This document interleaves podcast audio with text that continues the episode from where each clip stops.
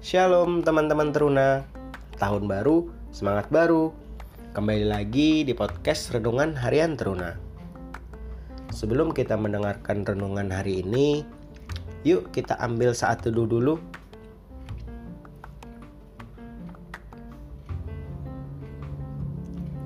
Teman-teman teruna bisa jeda dulu ya podcast renungan ini untuk membaca Alkitab yang terambil dari kejadian pasal yang ke-35 ayat yang pertama hingga ayat yang ke-8.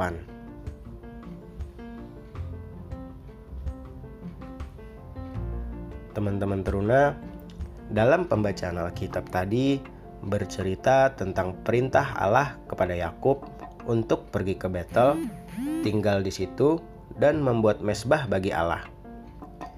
Kejadian ini tidak hanya sekali, Yakub pergi ke Betel untuk melarikan diri. Kejadian pertama, Yakub melarikan diri dari abangnya Esau karena ia telah merebut hak kesulungannya. Nah, dalam kejadian kedua kalinya ini, Yakub pergi ke Betel untuk menyerahkan hidup sepenuhnya kepada Allah. Yakub juga ingat bagaimana Tuhan telah menyertai perjalanan hidupnya dari nol hingga menjadi kaya. Oleh karena itu, Yakub pun menginstruksikan kepada seluruh keluarganya agar menjauhkan segala dewa-dewa asing serta mentahirkan diri mereka. Kemudian keluarga Yakub berangkat dalam ziarah menuju ke Betel. Penduduk di daerah-daerah yang dilalui dalam perjalanan menyaksikan kedahsyatan Allah yang melindungi Yakub dan keluarganya. Orang-orang tersebut tidak mengganggu rombongan keluarga tersebut Lalu sampailah Yakub dan keluarganya di Betel.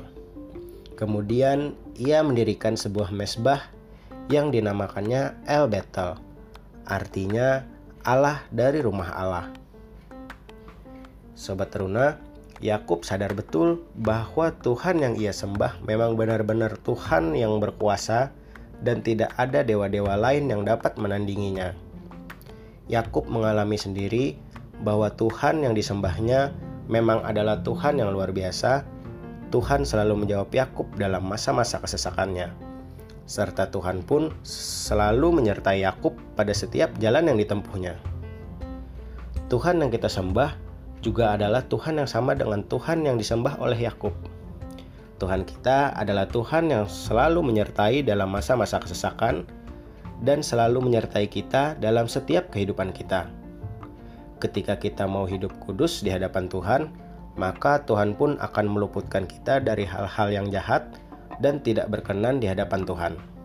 Ingatlah bahwa Tuhan yang kita sembah adalah Tuhan yang setia, yang senantiasa menolong kita dalam masa kesesakan kita. Beribadahlah senantiasa kepada Allah dalam nama Tuhan Yesus. Nah, teman-teman teruna, ada kuis nih dari podcast renungan harian kita mulai dari hari Senin sampai hari Jumat ada clue dari setiap renungan. Jangan lupa dijawab dengan cara komen melalui postingan renungan harian hari ini dengan tag tiga teman teruna kalian atau bisa juga melalui DM Instagram Teruna Evata Guntung Payung. Selamat menjalankan aktivitas teman-teman teruna. Aku mengasihimu, Tuhan Yesus memberkatimu.